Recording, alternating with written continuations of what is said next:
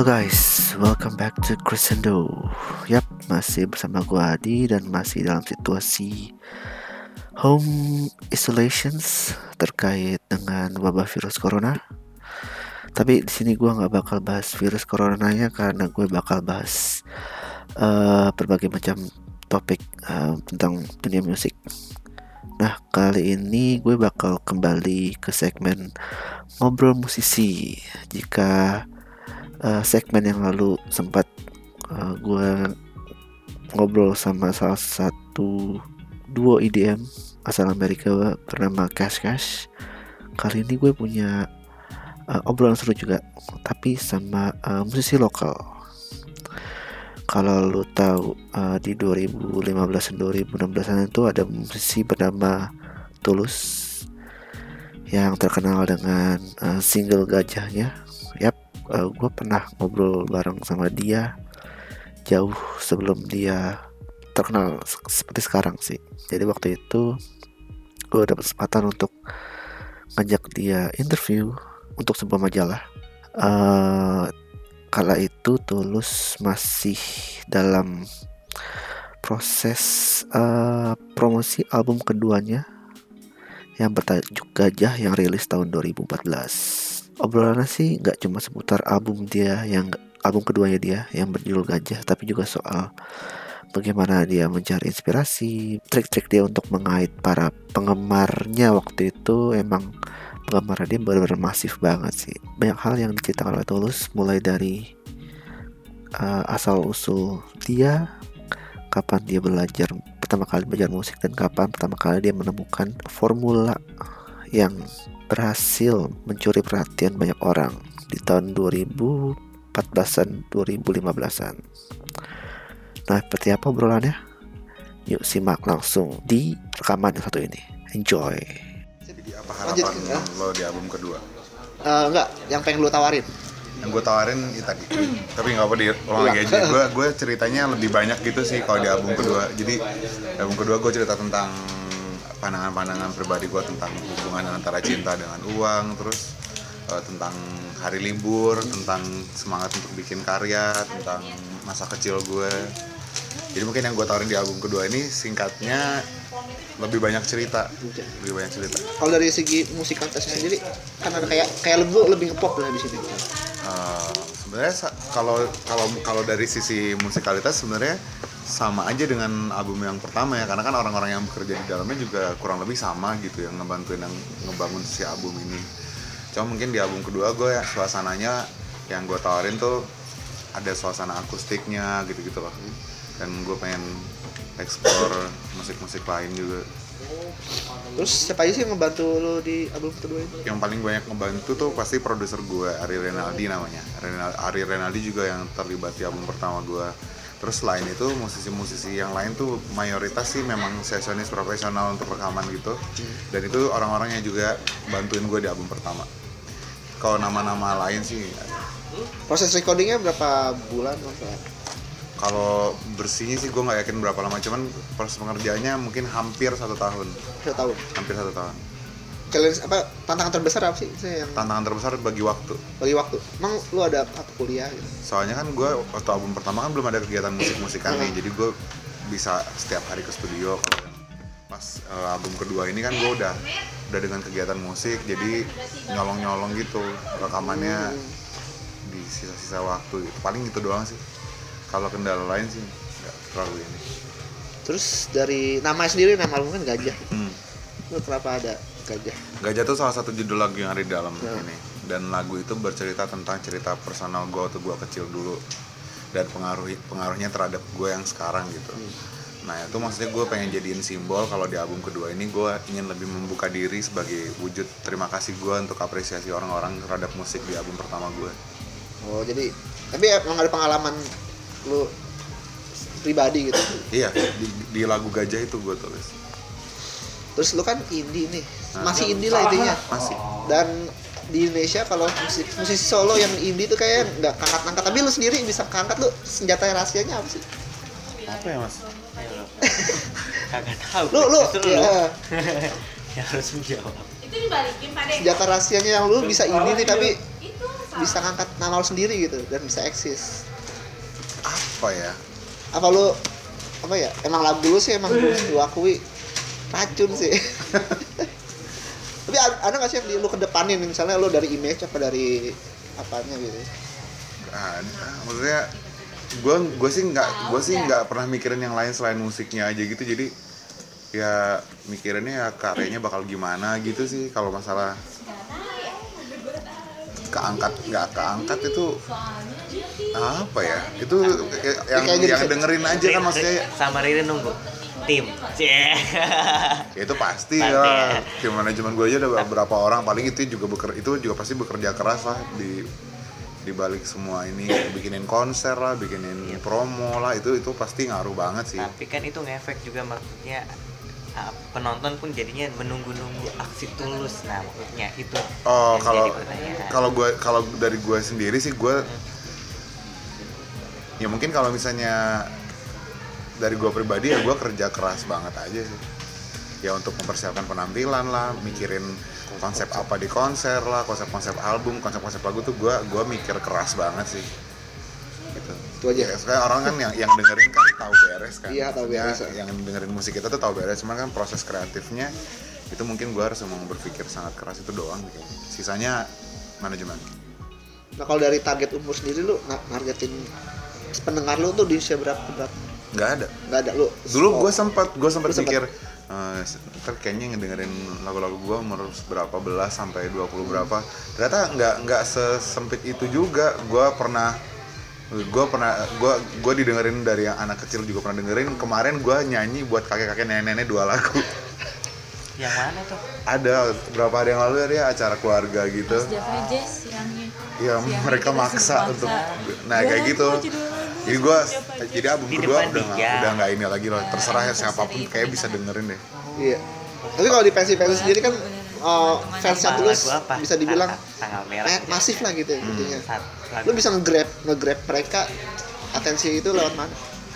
Menurut lo dari mungkin dari lirik-lirik lagu gue kali ya lagu lagu lirik, liriknya ya bahasanya nggak terlalu sulit mungkin terus ya mereka tertarik dengan itu kali gitu kali ya. Delapan lagu ciptaan lu semua ya? Sembilan lagu yang Sembilan lagu. terus t- apa ya? Tadi apa sob? Lagu-lagu apa yang tadi yang yang lu pengen tanya? Oh iya bener. Lagu katanya ini punya pesan yang menarik di satu hari di bulan Juni. Hmm. kemudian tanggal merah mungkin masing-masing itu bisa ceritain. Ada gaji ini, ah, kalau coba gue kalau Oh. lupa kalau lagu baru ceritanya dari yang ada di sini aja pokoknya ya jadi lo tinggal baca sendiri. Kalau bumerang ini tentang gue cerita Eh, tapi yang baru ini lu juga kayak pengen nunjukin lu sendiri. Nih gue punya album baru nih gue salah satunya ya. Salah baru. satunya ya. Salah satunya. itu. Tapi semua ter, terja- terga- tergambar jelas di liriknya sih. Kalau bumerang tuh gue cerita kalau lo bikin sakit hati ntar suatu saat lo pasti sakit hati juga balik lagi gitu. Kalau sepatu tuh tentang tentang ya udah perumpamaan gue tentang tentang apa sesuatu yang nggak bisa jadi satu tuh kayak ini yang kemarin diwawancara sama Ega Oh, iya. edisi depan. Gitu. Soal lirik.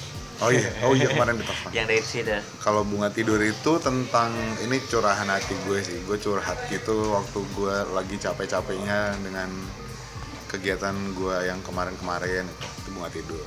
Tapi ini, tentang, ini tentang itu biasa mimpi-mimpi aja. gue iya, atau mimpi memang itu bunga tidur pengganti kata dari dream atau mimpi gitu? Iya bunga tidur itu kan mimpi. Ya iya tapi kalau sekarang kan mimpi itu impian gitu. Ah. mimpi itu selalu selalu sama artinya dengan impian. Menurut gue nggak sih mimpi itu Ya. ya bunga tidur. Kalau impian itu walaupun cita-cita mimpinya gitu. suka absurd gitu ya. Jadi lagu. Ini gue nulisnya 15 menit nih bunga tidur. Oh my god 15 menit. Tanggal merah tentang liburan. Ini gue lagi jalan-jalan ke mana itu gue lupa. Terus gue nulis lagu tentang liburan gajah tentang masa kecil gue pernah dipanggil gajah. Lagu untuk matahari tentang semangat berkarya. Satu hari di bulan Juni tentang kalau mm, lo lo butuh duit tapi kayaknya bisa lebih bahagia kalau standar kayak lo diturunin gitu ini pengalaman menyakitkan ya waktu lu launching sempat gue cerita agak lebih panjang dari ini. lo inget kan Ingat gue. nah ini tuh tentang Tapi ya. Iya, ini tahu. apa? Mungkin ada detail lain sih ya. ya ini tentang yang gue lihat tentang yang gue lihat di di keluarga di salah satu anggota keluarga gue gitu bahwa menurut gue sih eh, kak semua orang tuh pasti pengen punya duit tapi kayaknya kalau semua orang pengen kaya bu- dunia bakal kacau balau gitu deh. Jadi harus ada eh, seni merasa cukup gitu. Seni merasa cukup. Tapi di musiknya justru agak ceria gitu ya? Bener kan? iya biar bias gitu. Bias. Aduh. Pokoknya itu gitu tuh, deh. itu tuh cara dia menyampaikan musik dan lirik. Pokoknya itu deh di ini tuh seni tentang seni merasa cukup deh Hmm. tentang ap- menghargai apa yang udah lo punya. Jadi lo fokus untuk membuat diri lo senang gitu nggak fokus untuk cari-cari mulu apa yang kurang gitu. Mm-mm. nah ini an- anti mainstream nih. Jangan kenapa sih? gue gak ngerti kenapa orang ngomong ini anti mainstream kan Menurut orang-orang gue ini biasa gitu, aja. Jangan eh ak- cintai aku padanya tapi ini tuh berbalik dari jangan itu. cintai aku apa adanya Sok ini pengalaman pribadi gua. dulu sama si itulah ada. Jadi jadi harus ada apanya enggak maksud gua kalau misalnya kalau misalnya gitu-gitu doang nggak berkembang gitu kan. Maksudnya lo lo datang nih ke- lo, lo ketemu cewek terus cewek lo nggak minta apa apa aku suka kamu apa adanya kamu nggak usah kerja kamu nggak usah cari makan gitu misalnya. Muluk malah itu ya. Iya justru yang menurut gua bakal berhasil itu eh gue suka sama lo tapi lo harus kerja lo harus bikin sesuatu lo harus bikinin gua rumah dan lain sebagainya kayak gitu, gitu. itu menurut gua. Dewasa jadi dewasa. Jangan cinta ya apa apa terus ini foto. Kalau enggak ya? Tapi pokoknya banyak air desain. Ini dari si Adit ini. Iya sih tapi kayaknya lagu cintanya cuma satu di sini. Ini cinta ini cinta. Cinta yang bener-bener lu sama cewek berdua gitu Ke- maksudnya yang komunikasi Ah, komunikasi ini. eh tapi ini juga itu bumerang. Eh tapi emang sepatu juga kita kan ka- maksudnya kata gantinya kita. Hmm. Tapi kalau sepatu bukan pengalaman sendiri kan? Sepatu bukan kok. Ini sepatu tuh gue nulis aja. Aja kreatif. Iya. terus apa lagi? Ya? Nanya apa lagi? ah kenapa? Kata mbaknya enggak asik kenapa? Enggak. Terus terus terus, ini tuh pengen dapat cerita. Eh, awal lu menemukan musik kalau bilang lu kan sempet eh, apa namanya studi di luar. Jadi Tuh di- bener gak sih? Atau lama tinggal di luar atau Enggak, sempat di enggak, luar enggak, atau, atau lu menemukan musik di mana sih? Musik yang lu sekarang usung lah intinya gitu Ah. lu pertama kali nyadar lo kalau ini lo musik ini musik gua dan lu gua bakal Oh jadi dulu tuh gini gue uh, eh, pokoknya gue kalau suka nyanyi tuh udah dari kecil. Terus pas kuliah gue semakin gua, eh, semakin banyak lagi mempelajari musik. Gue mulai ngerti apa itu beli CD, mulai ngerti apa itu koleksi. Sebenarnya tuh dari dari gue SMA sih. Mulai ngerti lah dengerin musik tuh gimana caranya dan apa aja yang bisa didengerin. tapi lu main instrumen juga dulu Enggak, gue gak bisa main instrumen sama sekali. Pas di kuliah gue belajar nulis lagu, diajarin sama teman gue, terus gue baru gue baru nemu gitu kalau eh kalau nulis lagu tuh ternyata bisa cerita lebih banyak daripada ngobrol gitu. Akhirnya gue tagihan gitu nulis lagu, tagihan nulis lagu. Di ujung-ujung perkuliahan gue gabung di klub jazz Bandung. Nah di sana tuh kan namanya kan klub jazz tapi kan musik hampir semua jenis musik bisa perform di situ buat lo apresiasi gitu. Nah di situ gue kenal banyak musisi, terus gue ngerti tentang teknik ngebangun aransemen itu seperti apa dan lain sebagainya. Akhirnya gue tercetus ide buat bikin musik gitu, buat bikin album dan lagu oh dari sana dari situ. bentar lagi Kalau ada kampung jazz kampung jazz, kampung jazz berarti yang di Tembok ya Unpad. empat empat berarti lu anak unpad bukan bukan gue anak unpar arsitektur unpar. oke arsitek tapi dari eh, pengalaman pribadi lu apa sih yang membuat lu merasa dewasa membuat lu ini tulus yang dewasa gitu Hmm, apa yang membuat gue dewasa ya? Yang membuat lu pasti kan ada kayak step-step dulu dari dari dari saat menemukan musik itu kah Ah. atau masa sebelum itu mungkin saat ini kali ya saat udah saat udah berani me- saat sudah bisa membangun kepercayaan diri sama karya lo sendiri gitu. Emang sempat gak percaya lu ya sempet lah kalau misalnya gue udah percaya diri dari zaman SMP gue udah ini kali.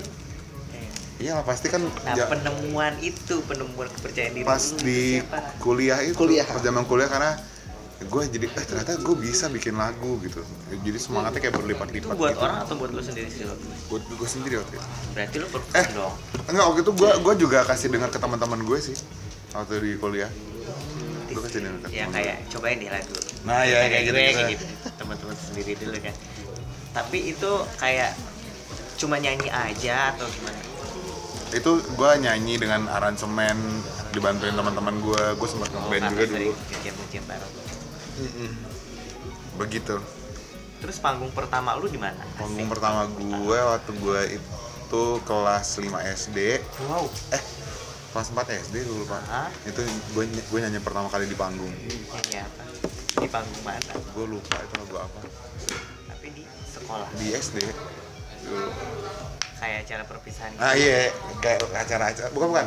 Acara pagelaran seni gitu gitu oh. Iya, tapi itu iya. udah entah setahun kapan. Kayak juga nggak ada ada yang ingat. Itu panggung pertama gue itu bener-bener panggung pertama nah nih, ngomong ngomongin lagi soal indie nih. Kan Yup, yup, yup. setiap orang yang indie lah dibilangnya idealis ah so idealis lo gitu kan gitu. Tapi menurut lo sendiri lo idealis idealisnya se, se idealis apa gitu? Bawa ide idealis Hmm. kalau gue sih pandangan gue tentang idealis itu mungkin agak beda kali ya. Idealis tuh menurut gue seberapa jadi dia nggak nggak mau nerima masukan orang lain gitu gitu nggak mau musiknya dirubah gitu. Biasanya kalau orang-orang yang, yang bener-bener wajar nggak sih semua musisi kayak gitu? Ada beberapa yang nurut. Misalnya dia sama Ada yang nurut. label dia masih masuk label dia nurut aja gitu. Yang penting dia dapat duit aja gitu. Itu yang populer. Gue soalnya nggak ada nggak ada label sih. Maksudnya label pun label Oh. sendiri jadi semuanya di Oke. bawah kendali gue jadi gue sebenarnya belum pernah merasakan tekanan untuk harus begini harus begitu gitu. Gue agak bingung juga jawabnya gimana Kalau Ya, inginkah lu tetap mempertahankan tulis yang di album pertama, di kedua dan nanti selanjutnya? ya gue pengennya orang yang sudah sudah kasih apresiasi terhadap karya gue di album pertama akan menemukan benang merah yang sama di album kedua dan seterusnya gitu karena kan lahir dari dari otak yang sama kan. Cuman kalau se seberapa tertutupnya gue dengan hal-hal lain di luar proses kreatif gue pribadi ya gue gak menutup diri juga kan. Gue juga nggak tahu nanti ke depannya gimana apakah ada kesempatan untuk bekerja sama dengan label atau dan lain sebagainya gitu. Gue juga nggak mau nggak mau plok-plok ah gue sih nggak mau gue mau sendiri mulai nggak nggak bisa gitu juga. Masa depan Lu siapa yang sendiri tahu? menargetkan album yang kedua deh terutama mau Hmm. sampai mana? album kedua mau sampai mana maksudnya? Ya mungkin bisa dinikmati lebih banyak orang. Terus kalau album sendiri kata lu lu sempet ngomong juga pengen didengar juga lah sama eh, penduduk luar. Kalau album kedua ya gue pengennya pasti lebih kayaknya lebih lebih banyak didengar dibanding album pertama pasti. Dan dapat apresiasi yang lebih baik terus bisa bikin orang senang yang dengerin senang gitu. Terus apa ya?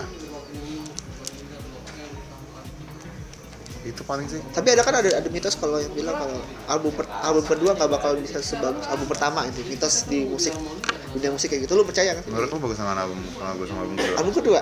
Ya udah.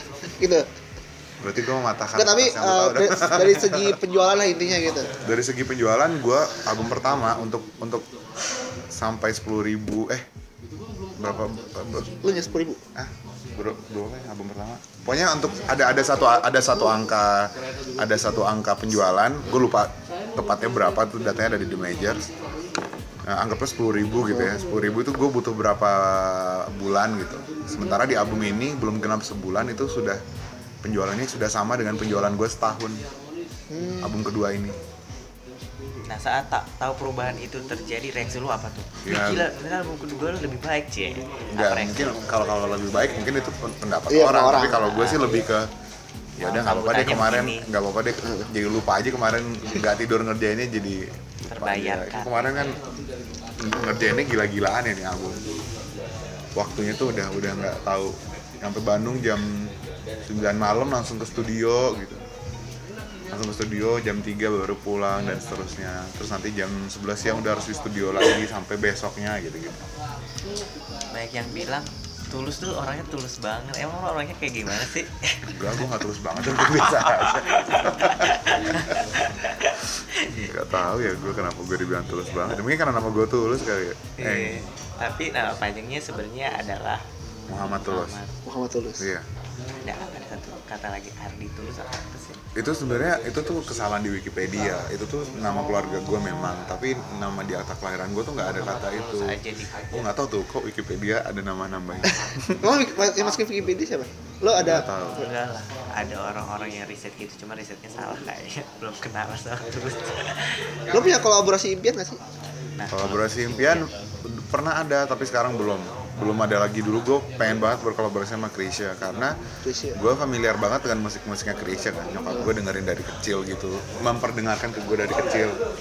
Tentang Krisya gitu musik-musiknya Krisya terus nggak kesampaian karena keburu meninggal. Kalau sekarang sih belum ada lagi. Belum ada. Tapi sempat dipengaruhi nggak musik-musik Krisya ke Oh, album sadar tidak sadar pasti. Sadar tidak sadar pasti. Dan menurut gue hampir semua penulis lagu di Indonesia dan semua musisi di Indonesia sadar tidak sadar pasti akan terpengaruhi sama legenda-legenda musik Indonesia. Pasti. Apalagi mereka idola gitu ya. mereka idola dan mereka konsisten banget. Lo nggak mungkin ada di nggak mungkin nggak nggak pernah denger gitu. Niat nggak niat lo pasti pernah denger. Eh, jadi sadar nggak sadar lo pasti terpengaruh nyangkut gitu. Banget soalnya Tapi kalau lu pernah mimpi buat melebihi karir apa eh, prestasinya Krisya gitu pernah punya mimpi gitu. Hmm, mungkin cita-cita kali ya. Kalau gue pengen gue pengen punya kalau cita-cita gue gue pengen punya perjalanan musik yang ke yang sekonsisten Krisya gitu. soalnya kan dia gila sih sampai tua aja dia masih bikin orang seneng dengan dia nyanyi gue pengen kalau misalnya jalan gue sepanjang itu gue pengen kayak dia panjang malah saya umurnya pendek nah dua tahun berjalan lu bermusik nih ya yang lu tarai waktu itu dan bisa menghasilkan sampai album kedua ini. Kalau masih ngomong kolaborasi itu ada yang selama ini sudah berkolaborasi dengan siapa dan itu paling berkesan? Dan nantinya pengen berkolaborasi dengan siapa? Kalau nantinya gue belum tahu. Tapi tahu. kalau sejauh ini yang yang selama ini. yang berkesan ya mungkin yang kemarin sama Ran juga itu berkesan karena proses kreatifnya seru banget. Gue ketemu dengan banyak orang-orang pintar lah di balik lagu itu gitu. Itu seru banget. Terus gue juga paling itu sih kalau sejauh ini yang yang berkesan. Dan dan kolaborasi kolaborasi lain mungkin yang di panggung itu. Kan kalau yang direkaman kan baru yang sama Ran ya, ya, ya. itu seru banget sih ternyata. Emang itu orang-orang di belakang Ran pada pinter-pinter terbawa ya dinamika Terus Oke. eh, harapan lo sendiri Waduh, datang-datang terus tuh habis harapan lo sendiri buat ke depannya nih. harapan gue gue Apa target target terbesar lo gitu? Apa mau masuk Grammy mungkin Grammy. enggak lah itu kan eh, tapi nggak tahu juga nih ya mimpi emang harus mimpi tuh emang harus tinggi tingginya cuman kalau gue sih sekarang gue pengen gue pengen ikut bisa meramaikan festival musik di luar negeri dalam waktu dekat dan membawa nama Indonesia. Terus gue ingin orang orang Indonesia lebih apresiasi terhadap musik yang sekarang sudah cukup baik semakin baik lagi. Ya dan akan ada album ketiga. Amin. amin